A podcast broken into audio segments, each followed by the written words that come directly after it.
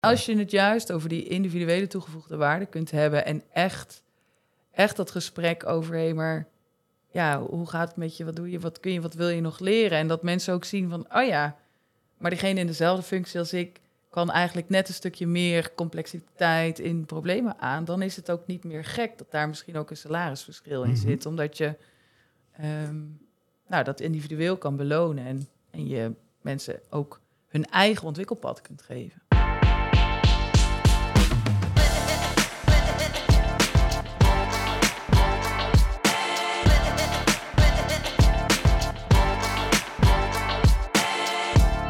Welkom en leuk dat je luistert naar weer een nieuwe aflevering van Ondernemer de Podcast. Deze keer in de studio Eva, Paul en TJ. Ja, is maar één bekende naam. Eh, dus als eerste Paul en Eva, welkom. Dank. En aangezien we met de dames beginnen, Eva, stel jezelf even voor. Ja, ik ben eh, Eva Peters. En eh, ik ken Voxter eigenlijk omdat ik ooit de eerste klant was vanuit Kuipers. Mhm. En ehm, nou, veel, met veel enthousiasme altijd contact gehouden en Voxter blijven volgen. Inmiddels werk ik ergens anders, maar eh, nou ja, hier ben ik vandaag. Nou, welkom. Dank. En, eh, En, oh, ja, en in welke rol werk je? Want dat is natuurlijk wel interessant voor ook het onderwerp van vandaag. zeker. Ja, op dit moment werk ik in de rol van product owner eh, bij een grote netbeheerder. En bij Kuipers eh, zat ik in de rol van eh, projectmanager en haar businesspartner. Ja. En het onderwerp van vandaag is beoordelen en belonen. Dus Daar heb Ik je wel een mening over, toch? Daar heb ik zeker een mening over. dat is fijn. Ja. mooi. Nou, dan kunnen we door ook, ja. Eh, Paul, Ja. een nieuw gezicht bij Voxter. Stel jezelf even voor. Nou, voor de kijkers een nieuw, eh Ja, luisteraars nieuw, nieuw gezicht. Ja, eh, nou, eh, Paul Vriesel. Ik ben eh 38, jaar, 38 jaar sinds eh, twee dagen. En eh, nu, eh, wat is het? Iets meer dan een maand, net door mijn proeftijd heen. Ja, bij, eh bij Foxstar. ja, Ja. mooi. Goede eindbeoordeling gehad ook? Nee, heb ik niet gehad. Dus eh, Oh, niet? Oh. ik denk, geen, Gewoon nieuws- doorgeklikt. geen nieuws is goed nieuws, toch?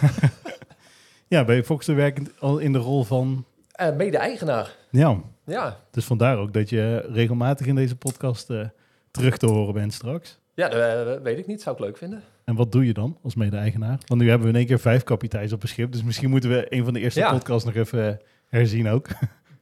Nee, ja, ik, eh, aan mij de, de, de, de taak om eh, solutions verder op de kaart te zetten. Ja. We willen naast de dienstverlening die we doen ook eh, hele mooie softwareontwikkelingen neer gaan zetten. Mhm. Ehm, dus daar ben, ik, eh, daar ben ik lekker zoek mee. Ja. Ja. lekker bezig. Nou, mooi. Dan eh, gaan we weer verder in het standaard format. Dus we beginnen weer met de supersnelle stellingen, zoals je die van ons gewend bent. Ehm, nou, Eva, laten we met jou beginnen. Ben je er klaar voor? Zeker. Wel misschien even uitleggen, want even heeft nog niet gekeken naar de Oh ja. podcast. Oeh. Ja? nou, de supersnelle de stellingen. ja, Ja. die gaan dus over, je moet direct antwoord geven of je het mee eens of oneens bent. En aan het eind van de drie stellingen kun je nog, eh, als je wil, een stelling toelichten. Of kunnen we er met z'n allen even verder over in gesprek. Prima. Dat is het.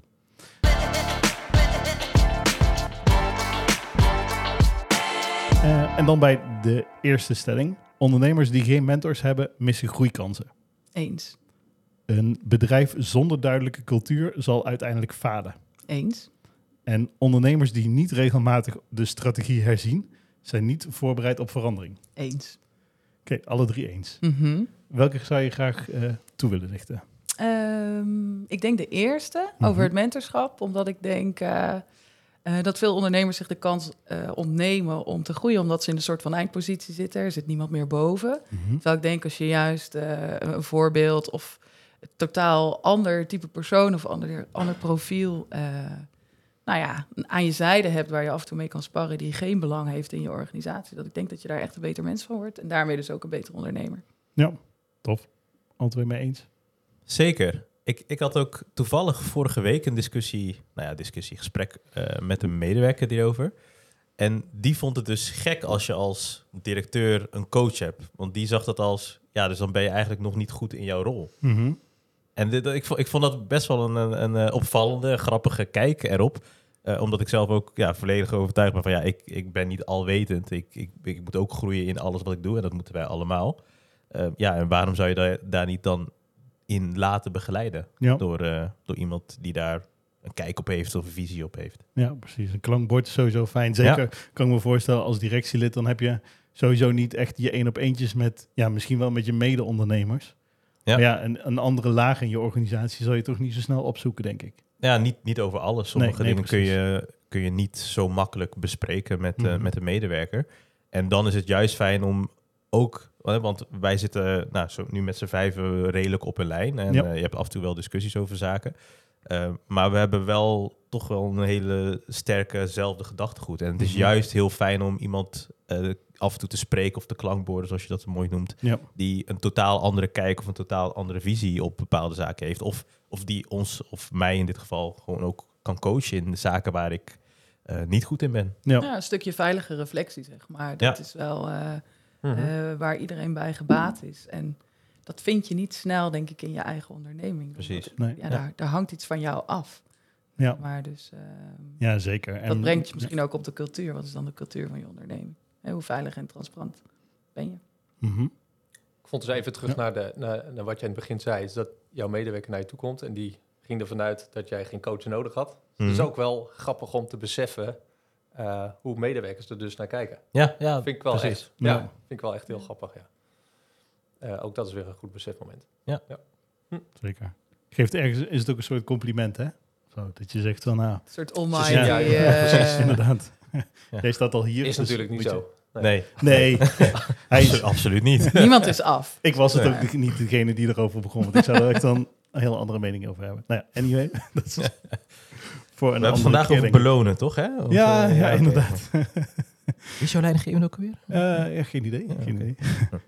Paul, dan door met jouw stellingen. Mhm. Bedrijven moeten verplicht worden om hun medewerkers vier dagen per week te laten werken. Oneens.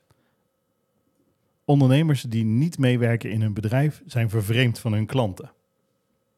Oeh. Eens. En ondernemers die geen boeken lezen, missen essentiële kennis. Eh, ik zeg eens. Oké, Wat is Of jouw laatste boek geweest? Ja, precies. nou laten we hier dan gelijk over doorpraten over deze. Ja, kan. Maar ik vond die, eh, die tweede vond ik ook wel, eh, Mag ook vond hoor. ik ook wel leuk hoor. Ja, zeker. Dus de tweede was ondernemers die niet meewerken in hun bedrijf zijn vervreemd van hun klanten. Dat zei jij eens. Ja, ik, ik denk wel dat ehm, als je uiteindelijk leiding geeft aan een bedrijf, dat je ook wel moet weten hoe het in praktijk werkt. Mhm. Je moet gewoon met je voet in de klei staan om uiteindelijk te weten hoe de, om er een beeld bij te vormen van hey, Ja. zo zou ik het uiteindelijk willen gaan doen. Ja, Dat lijkt mij de beste weg. Dus volgens mij moet je dan echt wel weten hoe het eh, in praktijk eh eraan toe gaat. ja. Daar geloof ik wel heel sterk in. Ja, ook misschien nog wel om de coaching te kunnen geven aan je eigen medewerkers. Zeker. Van, oh ja, Ja. Wat, wat doen we ook alweer? Precies. En dan weer terugvallend op het, op het punt wat jij eh, had toegelicht. eh, ook dan is het weer goed om niet die oogkleppen te, te hebben voor jezelf. Maar juist ook eh, weer iemand te spreken die daar helemaal blanco in staat. Ja. Dus die combinatie is denk ik heel belangrijk. Maar ik, ja, ik ben wel van mening dat je zelf eh, wel ehm, moet weten hoe het in praktijk eraan toe gaat. ja. Ja. Dan zijn er natuurlijk ook andere manieren om dat te doen. Maar één van de manieren is meewerken. Ja. Ik kan me ook wel voorstellen, tenminste ik vind het persoonlijk ook heel eh, fijn om toch nog steeds gevoel te hebben met de inhoud. Het is echt weten wat, zo'n, wat het product is, eh, waar, je, waar je dienstverlening op levert. Ja, zeker. Je sluit gewoon veel beter aan ook bij, de, bij je klant. Ja, nou, in de, in de vorige rol, want ik heb hiervoor eh een tijd lang bij Avos gewerkt, waar ik, eh, da- daar merkte ik gewoon dat ik het gewoon heel fijn vond om met eh, de mensen met wie ik samenwerkte, dat je over de inhoud kan meepraten. Mhm. Je hoeft niet alle details te kennen, maar wel dat je kan meesparren om uiteindelijk ook samen tot een, tot een mooi iets te komen. Ja. En ik denk op het moment dat je dat niet hebt, dat je niet dat sparringsniveau kan hebben met je, met je mensen waar je ook leiding aan geeft, Mhm. nou, dan wordt het denk ik toch wat oppervlakkiger. Ja. Ja, of word je juist misschien wel op sommige vlakken eerder een micromanager waarvan je denkt, hé, dit is totaal niet relevant. Of, Ja, Ja. kijk, als ik hem zou omdraaien. Ben nu in de eh, gelukkige omstandigheid, vind ik zelf, dat ik geen leidinggevende meer heb. Maar stel dat dat. Oh, oh. ehm, toch? Nee, steeds de ja, mag ik CEO, hè? Pas maar op, ja. Nee, de maar raad van toezicht ingesteld. ja. ik, ik zou zelf, als ik een, een, ehm, eh, als ik een klus zou moeten klaren en ik, ik, ik heb daar een sterk beeld bij hoe, ik- hoe ik die opdracht zou afronden en ik krijg een leidinggevende naar me toe die uiteindelijk me probeert te managen, maar Mhm. inhoudelijk niet mee kan komen, daar zou, daar zou ik me persoonlijk wel een beetje aan storen, denk ik Ja. ook. Snap ik wel. Moet geen eh, toerist worden in je eigen bedrijf. Mooi. Zeker. Mooi. Ja. Tegeltje. Ja. Goed, dan TJ, jouw stellingen. Eh, de eerste is ondernemers die hun persoonlijke leven delen op social media zijn onprofessioneel. Oneens. Bedrijven die geen klantenservice bieden buiten kantooruren zijn niet klantgericht. Oneens. En ondernemers die hun medewerkers niet toestaan om zijprojecten te hebben, of side hustle zeg maar, beperken de creativiteit. Eens. Welke zou je graag toe willen lichten? Poeh. Ehm, nou, sowieso die eerste. Mhm. Dus ondernemers die hun persoonlijke leven delen op social media zijn onprofessioneel. Daar zijn jij oneens. Ja, ja, ik zou niet weten waarom dat onprofessioneel is. Je, je, je, be- je bent een mens, je bent niet alleen maar één facet. Hè? Je, je hebt een persoonlijkheid, eh, je, je staat als persoon in de wereld en een van de rollen die je vervult is ondernemer of is directeur of, Mhm. of is eh, eh, grafisch designer. Ehm, maar je doet, je doet nog meer en je, doet, en je bent nog zoveel meer. En waarom zou je niet... Je hoeft natuurlijk niet alles uit je privé te delen, maar je kunt echt wel zaken privé delen, vanuit je privé delen, die een beter beeld geven van wie jij bent als persoon. Ja, omdat het dan ook je aanraakfactor vergroot of zo. Of juist niet. Ja, Ja, bedoel, het als kan, het kan je- eh, twee kanten natuurlijk Ja. opgaan, een beetje afhankelijk van wat je als deelt. je met je dronken hoofd eh, op de zomerfeesten in Nijmegen staat. Ja, kijk, Ja, nou, dan- dat, dat zou ik dan weer niet doen. Dat Nee. vind ik dan wel meer richting onprofessioneel gaan. Mm. Eh, hangt natuurlijk af op welke social media. Als jij gewoon een Instagram-account hebt eh, en, je, en je hebt die afgesloten en je deelt dat met vrienden en familie, ja, waarom zou dat niet kunnen? Ja. Eh, ik zou dat bijvoorbeeld niet op LinkedIn zetten. Nee, dat snap ik. Ja, het heeft weinig toegevoegde waarde voor je netwerk. wat vind jij daarvan even? Eh, ja, goede vraag. Ehm, ik denk dat het. Dat ik hem ook wel zou kunnen toepassen op mensen die geen ondernemer zijn. Dus gewoon überhaupt, wat deel je, zeg maar, eh, als professional op de professionele social media? Ja. En wat deel je in de afgeschermde privé? Nou, die, die, die dronken vierdaagse foto, die zou ik ook niet zo snel zeg maar, Nee. online gooien. Maar ehm, in die end, ja, ben ik ook mens. En eh, ja, je, komt je komt ook je collega's misschien wel eh, in het dagelijks leven gewoon tegen in je privéomgeving. Ehm maar Dronken op de Vierdaagse. Ja. Kan ook. Ja, dat is precies Ja. de reden waarom ik 120 kilometer van mijn werk woon. Nee, nee maar ja, dat klopt. Ja, en dan is, het Ja. in, dan is het in real life. Dus ja, dan eh valt het natuurlijk weinig net meer te verbergen. ja, Dat snap ik wel. ja, maar ik zou het niet zo snel doen. Nee, Nee. Ik bedoel, eh, ja, je wil ergens ook een beetje serieus genomen worden of Ja, zo. eh, en zeker niet eh, op woensdagavond iets posten en dan eh, op donderdag een vergadering moeten leiden. En dat iedereen denkt, nou, Ja, het zal wel eventjes Ja. met jou. Dat je de vraag krijgt, maar ben je wel helemaal scherp vandaag? Precies. Ja, waarom dan? Ja, ja. je wil de oordelen ook een beetje voorkomen, denk Ja, ik. nee, ja, 100%. Oké, goed. Dan waren dit eh supersnelle stellingen. En dan gaan we door naar het hoofdonderwerp van deze week. En dat is dus beoordelen en belonen.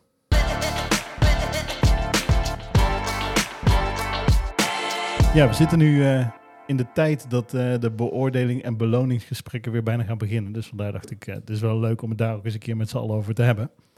Ehm, hoe belangrijk vinden medewerkers beoordelen en belonen? Is dat echt een punt waaruit jullie uit de praktijk zien van hé, daar leeft echt iemand naartoe? Naar dat gesprek? Ik zie eh vragende blik mijn kant op. Ja. Ja, nou ja. Mijn gevoel, mijn eerste reactie is dat mensen er naartoe leven omdat er een eh, salariële consequentie aan hangt. Mhm. En minder naar het gesprek aan zich. Mhm. Omdat dat als een formaliteit voelt. En Ja. in heel veel organisaties moet er nog een formuliertje worden ingevuld met een aantal standaardvragen, met een aantal bolletjes. En de bolletjes worden toch altijd in het midden gezet, want eh, het echte gesprek schuwen we een beetje. Vinden leidinggevenden denk ik ook moeilijk.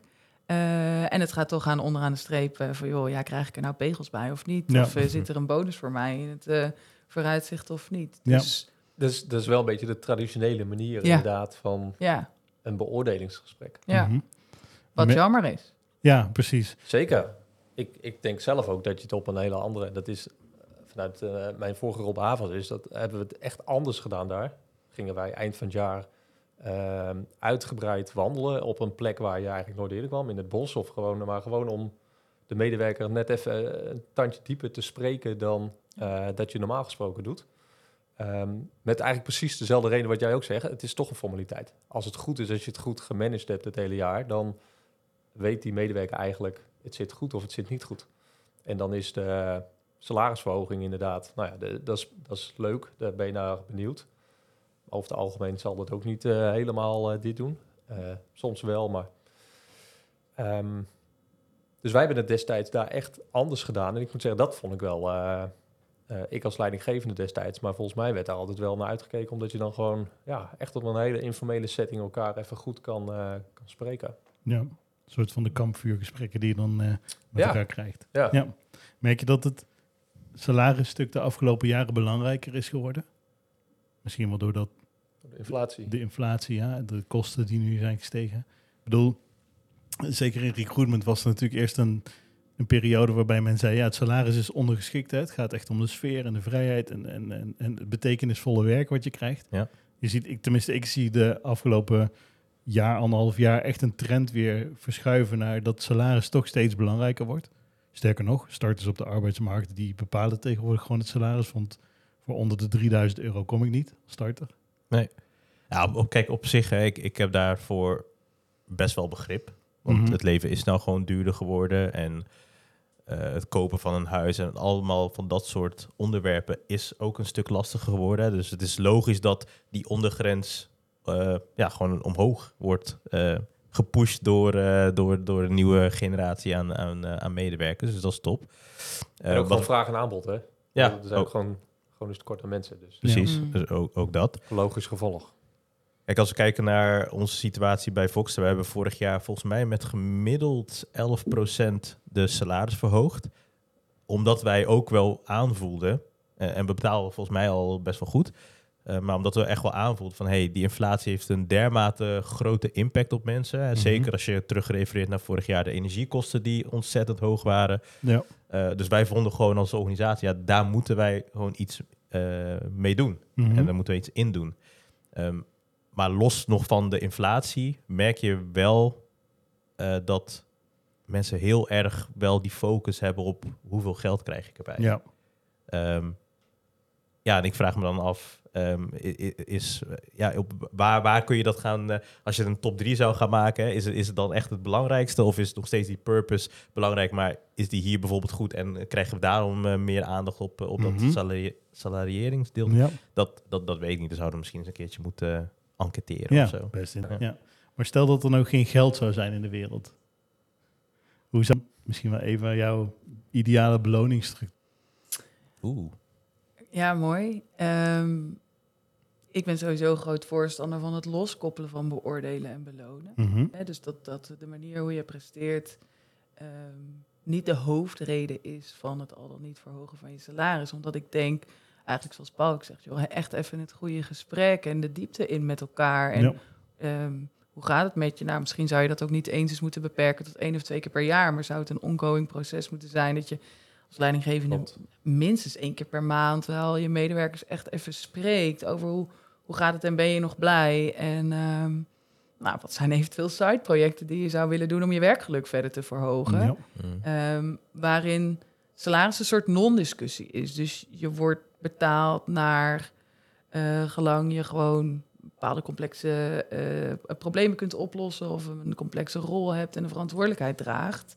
Dus eigenlijk naar je individuele toegevoegde waarde Mhm. en niet meer naar, ja, we, we doen dit allemaal op die manier of eh, we zagen dat jij eh, drie dagen hebt overgewerkt, dus hier heb je een bonus. Omdat ik zie het risico dat mensen die hard schreeuwen daardoor dus dan het meest krijgen of zo. En, en je een stukje onderwaardering krijgt voor de meest trouwe en loyale medewerkers misschien. Mhm. ja, die misschien wel meer introvert Ja. zijn. Ja. Ja.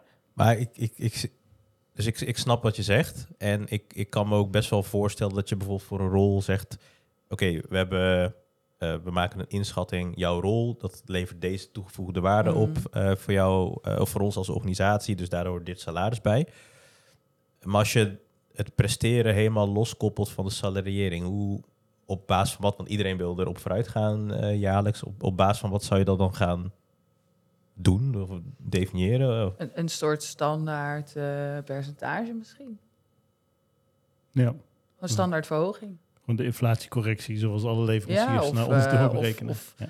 Of een, of een, of een schaarste eh, beloning daar nog bovenop, zeg maar. Dus wel voor schaarse Mhm. profielen. Eh, maar gewoon hem echt lostrekken van het presteren geeft gelegenheid, denk ik, om het gesprek ook echt over het presteren te voeren. Ja. Waarin de medewerker ook die kwetsbaarheid durft te laten zien van, oh ja, ik weet dit inderdaad nog niet, of ik vind dit Dat is soms wel spannend. interessant weer. Als, Of als dat- je hem loskoppelt, dan is misschien die medewerker voelt niet meer... Je wilt toch je een beetje goed voordoen. Ja, dat hoop je in ieder geval. Ja, Ja, zeker ook omdat er geld van afhangt. ja. Ik, en ik kan me ook wel voorstellen dat op het moment dat je salarisverhoging dan tegenvalt, dat je denkt, nou, oké, als het dit dan toch is wat ik er maximaal uit kan halen, Dan ga ga ik ik even een volgend jaar beetje... ook even minder doen. Want ja, het maakt toch geen verschil. Hmm. Toch? Kan ik me Ja, en voorstellen. als je het juist over die individuele toegevoegde waarde kunt hebben en echt, echt dat gesprek over, hé, maar ja, hoe gaat het met je? Wat doe je? Wat kun je? Wat wil je nog leren? En dat mensen ook zien van, oh ja, maar diegene in dezelfde functie als ik kan eigenlijk net een stukje meer complexiteit in problemen aan. Dan is het ook niet meer gek dat daar misschien ook een salarisverschil in Mhm. zit, omdat je ehm, nou, dat individueel kan belonen en, en je mensen ook hun eigen ontwikkelpad kunt geven. Maar, Ja. maar, maar dan snap ik hem toch nog niet helemaal. Want als je zegt, je gaat met een, bijvoorbeeld een vast percentage werken, hoe ga je dan toch iemand extra belonen die dus meer toegevoegde waarde in dezelfde is dat functie, misschien eh, al ook levert? extra in. Oké, maar als je nou stel bij ons, hè, we hebben trainees die beginnen op hetzelfde niveau. We Mhm. beginnen allemaal, allemaal op nul. En de ene die gaat, eh, die is na een jaar, eh, bij zeker bijna al eh, bijna senior, maar zit nog in de rol van consultant. En de andere is, zeg maar, eh, die een hak over de, eh, hoe zeg je dat, hak over de sloot Ja. consultant. Zijn allebei consultant, zelfde rol. Hoe zou ik Ja, dan de dit jaar een zal daarop- dan na dat jaar medior worden, waar dus al een ander salarisschaal in zit. Mhm. En die ander blijft misschien nog een jaar in de juniorrol om, om daarin zeg maar meer eigen te maken. En daar, dat is eigenlijk het moment dat die paden dus ook scheiden. Hm. Ja. En ieder echt zijn eigen transparante pad zou kunnen lopen. En je dus het Hm. gesprek voert over wat is het gedrag wat bij een junior hoort. Wat zien we zeg maar aan problemen die iemand op kan lossen, aan kan. Hoeveel hulpvragen heeft hij eigenlijk nog? Kan hij ook al iemand gaan coachen? En dat maakt Hm. uiteindelijk zeg maar het, het onderscheid. Ehm, zon, en dan kun je dus met iemand individueel het gesprek voeren en niet meer. Dan is dus je, eh, je verhoging is, is vanuit je promotie gekomen. Ja. Ja. Maar dan moet je dus bijna elk jaar blijven promoveren. Is dat een woord? Want? Om, die- om die groei. Of, eh, of al op het moment dat je... eh, dus stel je gaat van junior naar medior. Mhm. Dan ga je weer in de standaard mee, bedoel ja. je als het ware. Ja, Oké, Best interessant, hè? ja. Hoe denk je dat medewerkers hun eigen prestaties zouden beoordelen? Als ze de kans kregen. altijd iets beter. Ja? Ja. Is dat ook Of weer wel. doordat het salariscomponent daar... Nou, en ik denk ook omdat we het best wel moeilijk vinden om echt goed naar onszelf te kijken. Maar betekent dat, dat dat je jezelf dan altijd iets beter vindt dan een ander? Of dan een ander de- eh, dat van jou vindt? Ja, misschien wel. Ik denk namelijk dat er ook best wel veel collega's zijn die gewoon heel onzeker over zichzelf zijn. Doe ik het allemaal wel goed? Mhm. Die heb je... eh, Die zijn er natuurlijk ook. Ja, misschien is het ook wel vakbepaald. Ja. Ik denk dat het... Ja, mijn gevoel zegt dat het wel eh, echt, echt uiteenloopt eigenlijk. Mm. Zou het dan ook een goed idee zijn om medewerkers hun eigen beloning te laten kiezen? Ik denk dat dan iedereen zichzelf heel goed vindt. nou, ik denk als je dat in een soort zelfsturing, zeg maar, in, in, een, in een teamverband gaat zetten, dat dat wel interessante discussies kan Ja. leveren. En dat dat wel, nou, helemaal je, eh, je feedback loop, zeg maar, gaat voeden. Ja, ja er zijn Als natuurlijk wel... Er is een keer een trend geweest dat je bij bepaalde organisaties zelf je salaris Ja? zou mogen bepalen. Nou ja, dan moet je je wel verantwoorden binnen het team. Ja. Ja.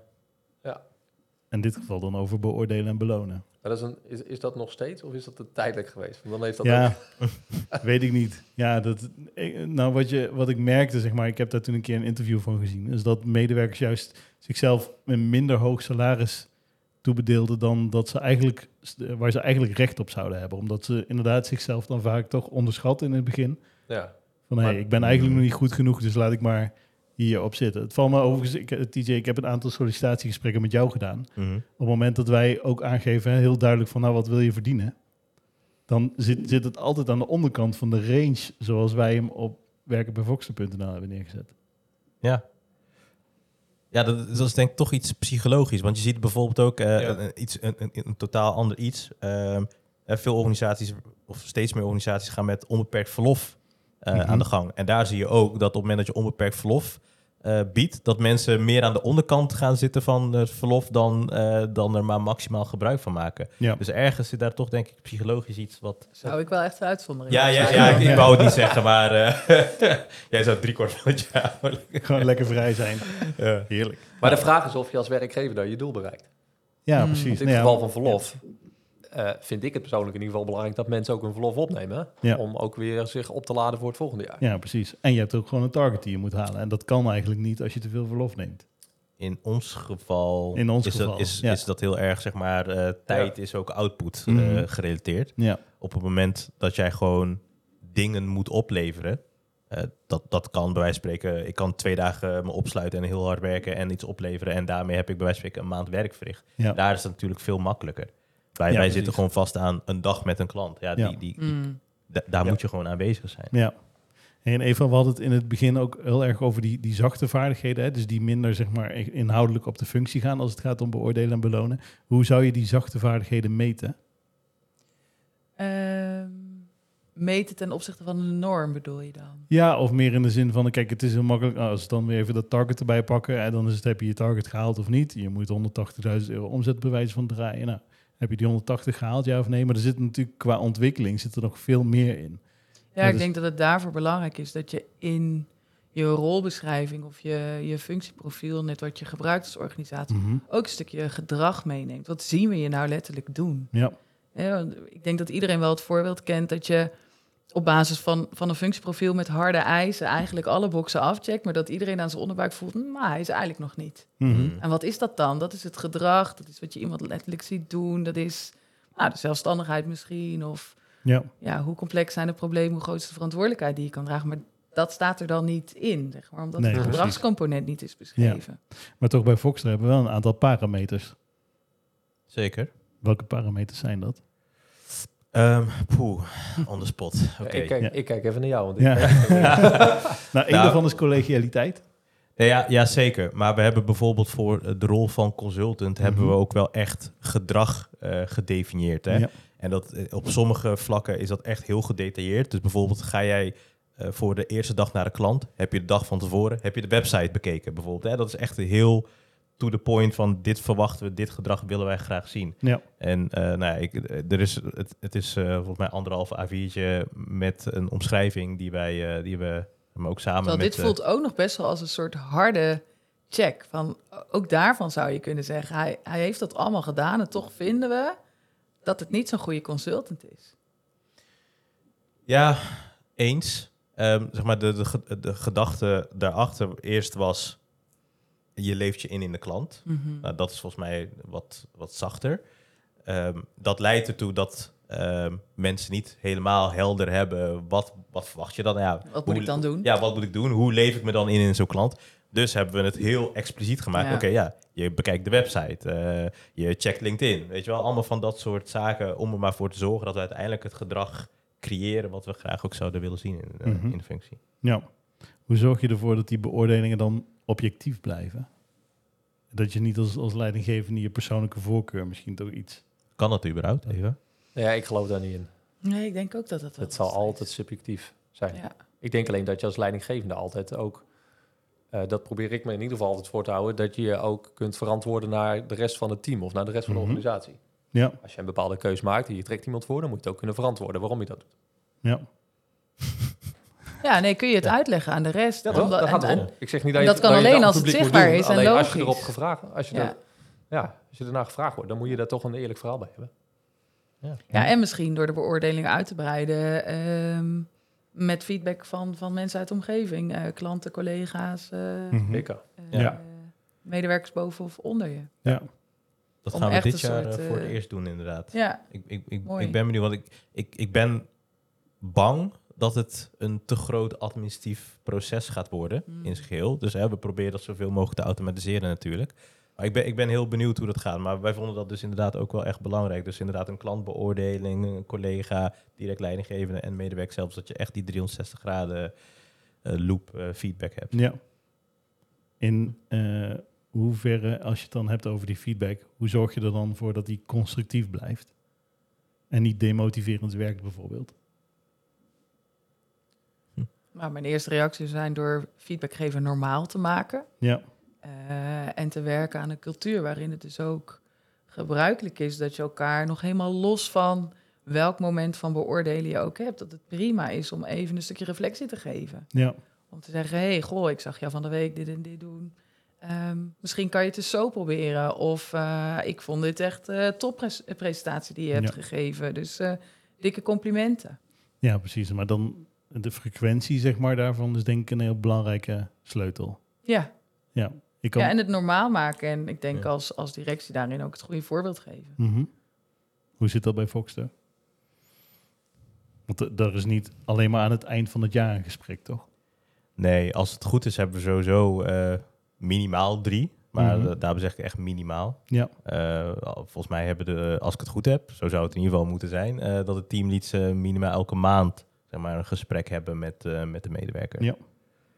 En ja, daarnaast denk ik dat het goed is dat je ook, nou, precies wat je zegt, een soort van directe feedback geeft. Hè? Nou, ik maakte net een grapje, jij vond het niet grappig. Nou, je spreekt daarop aan, zeg sorry en, en, en, en, ja, en het is klaar. En datzelfde zou je ook, hè? je hebt een, bijvoorbeeld een presentatie, eh, nou, de presentatie is klaar, geef meteen feedback erop en dan kun je, kun je door. Dus je Ja. hoeft het wat mij betreft ook zeker niet op te sparen tot eh, een moment één keer per maand of eh, Nee. drie keer per jaar, dat je meteen een hele lijst Dat de eh, shitload afgaat. over komt. Ja. Precies. Nou, ook Nee. omdat het voor een leidinggevende daardoor ook een soort moedje wordt. Hè? Mhm. Dus ik denk, eh, op het moment dat je je afvraagt van wie is eigenlijk de ontwikkeling van de medewerker.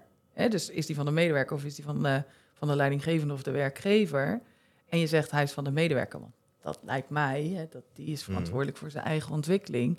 Dan zou je die bijna ook in de lead willen zetten om feedback op te halen, om te zeggen, hey, joh, dit zijn mijn ontwikkelpunten. Hoe heb je me de afgelopen maand zien acteren? Heb je nog tips of tricks? En Ja. vanuit daar het gesprek met je leidinggevende te voeren. ehm, eh, met bijna een, een coachvraag richting je leidinggevende. Van ik zou me Mhm. hierop willen ontwikkelen. Wil je me daar eens de komende maand of de komende twee maanden extra op prikkelen? Of zijn er Ja. misschien werkzaamheden die ik kan uitvoeren waar ik net tikje out of mijn comfortzone word gehaald? Ja, en die kun je Ja. dan vervolgens weer vastleggen in het doelstellingsgesprek. Daar kun je dan weer op meten aan het eind van het jaar. Ja, Het zou op zich wel mooi zijn als elke medewerker ook zelf dat initiatief zou nemen. Ja, als je dan eenmaal mag dromen. Hè? Ik bedoel, eh, ja dan eh, laten we dat ja, even, de stip op de horizon. Ja. Ja, dan, heb je, dan heb je die verplichte, eh, frequente gesprekken ook niet meer nodig. Omdat je gewoon met de medewerker afspreekt, joh, wat, wat zijn jouw ontwikkelwensen? En ja. die neemt dat eh, plan zeg maar onder zijn arm bij de organisatie mee. En die kan er of iedere dag over spreken, of eh, één keer per half jaar en toch voortgang boeken. ja. Precies. Hoe belangrijk zijn er in externe factoren? Want we hebben het natuurlijk even een beetje over de, de nieuwe manier van werken gehad. eh, Waarbij werk en privé heel erg versmolten zitten in elkaar. En TJ, je hebt in een andere podcast gezegd... op het moment dat ik me thuis niet oké voel, zeg maar... dan merk je dat terug op je werk en andersom. Mhm. En Dus externe factoren kunnen ook wel echt van invloed zijn op... hoe heb ik uiteindelijk gepresteerd. Absoluut. Ik denk zelf, want ik hoorde jou net zeggen, één keer per maand, eh, als het goed is, hebben we een voortgangsgesprek. Ik, ik zou zelf eigenlijk nog veel vaker. eh, ik denk dat het, dat het hoe, hoe vaker, hoe beter. Om de twee weken is denk ik ook wel heel goed. En wat mij betreft zit er altijd een verschil tussen, hey, ga je op lange termijn doelstellingen neerzetten. Dat, dat kun je denk ik ook een beetje formeel wel inplannen. En eh, zodat de medewerker zich erop kan voorbereiden, jij zelf ook. Ja. Ehm, maar juist die feedback ben ik ook zeker van mening dat je die snel en eerlijk moet brengen.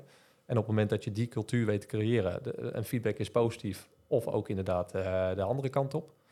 Op het moment dat je het op die manier neerzet, denk ik dat je ehm, en, die, en die twee wekelijkse gesprekken ook persoonlijk maakt, Ja. dan kun je dus ook als werkgever of als leidinggevende ook begrip tonen voor de situatie die er eventueel thuis afspeelt. Ja. Dus ja, zo zou ik hem eigenlijk kleden. En ik Ja. denk, dat, ja, tuurlijk, de, de externe rol is, eh, is van wezenlijk belang. Mhm. Daarom ben ik ook van mening dat, dat je als werkgever niet alleen... eh, nou ja, je kan werk en privé gewoon niet gescheiden houden. Nee, Twee nee, die- precies. Maar dat was inderdaad in de vorige eh, podcast volgens mij een onderwerp. Ja, het zijn Bas Ja. werk-privé integratie. Ja, Hm. inderdaad. Dat Ja, is mooi. inderdaad. Ja. ja. Ja, die kun je niet loszien van elkaar. Hey, en als een medewerker nou niet, niet eens is met zijn of haar beoordeling en beloning, hoe zorg je er dan toch voor dat je de gemoederen goed houdt? Ook daar weer hetzelfde. Het mag geen, als het goed is, mag het geen verrassing zijn. Eh, en heb je die feedback gedurende het jaar al besproken. Mhm. En ook daar moet je je denk ik gewoon eh, ja, fair opstellen. Dus eh, Ja. als jij van mening bent dat, er, eh, dat je bepaalde feedback hebt voor de medewerker die de medewerker zelf misschien niet fijn vindt, dat kan. Maar daar moet je gewoon het gesprek over kunnen aangaan. Dan moet je je gewoon kwetsbaar opstellen als werkgever ook. Eh, maar soms ook gewoon, ja, dit is hoe we er naar kijken. En dan kun je een meningsverschil hebben. Ja, Ja, en, en die, die is best wel lastig, hè? Want echt bij ons op het moment dat wij beoordelen, wij hebben een aantal zachte en een aantal harde onderwerpen. Eén daarvan is bijvoorbeeld gewoon je target. Nou, ja, bij ons is het heel simpel. Haal je je target, eh, krijg je een bonus. Haal je je target niet, krijg je geen bonus. Gewoon, het is zo klink en klaar als eh, dat het maar zijn kan. lekker IT-bedrijf 1 of 0, punt. Ja. Ehm, alleen toch hebben wij daar in het verleden dus weer discussies over gehad. En ehm, het, het, het, het grappige zeg maar, is, het liefst zouden wij natuurlijk iedereen het hele jaar door helemaal vol plannen. Maar niet iedereen kan elk project aan. En, en dat is zeg maar het stukje wat wij altijd proberen te reflecteren naar een medewerker. Als jij investeert in jouw eigen ontwikkeling, en die kansen die bieden we volop. Hè. Dit jaar heeft iedereen Mhm. 20 opleidingsdagen bijvoorbeeld gekregen. Mensen kunnen zelf nog opleidingen volgen als dat wil. Dus daar investeren we echt enorm veel in. Mhm. Ehm, maar je moet het ook laten zien. En eh, laat je het niet zien.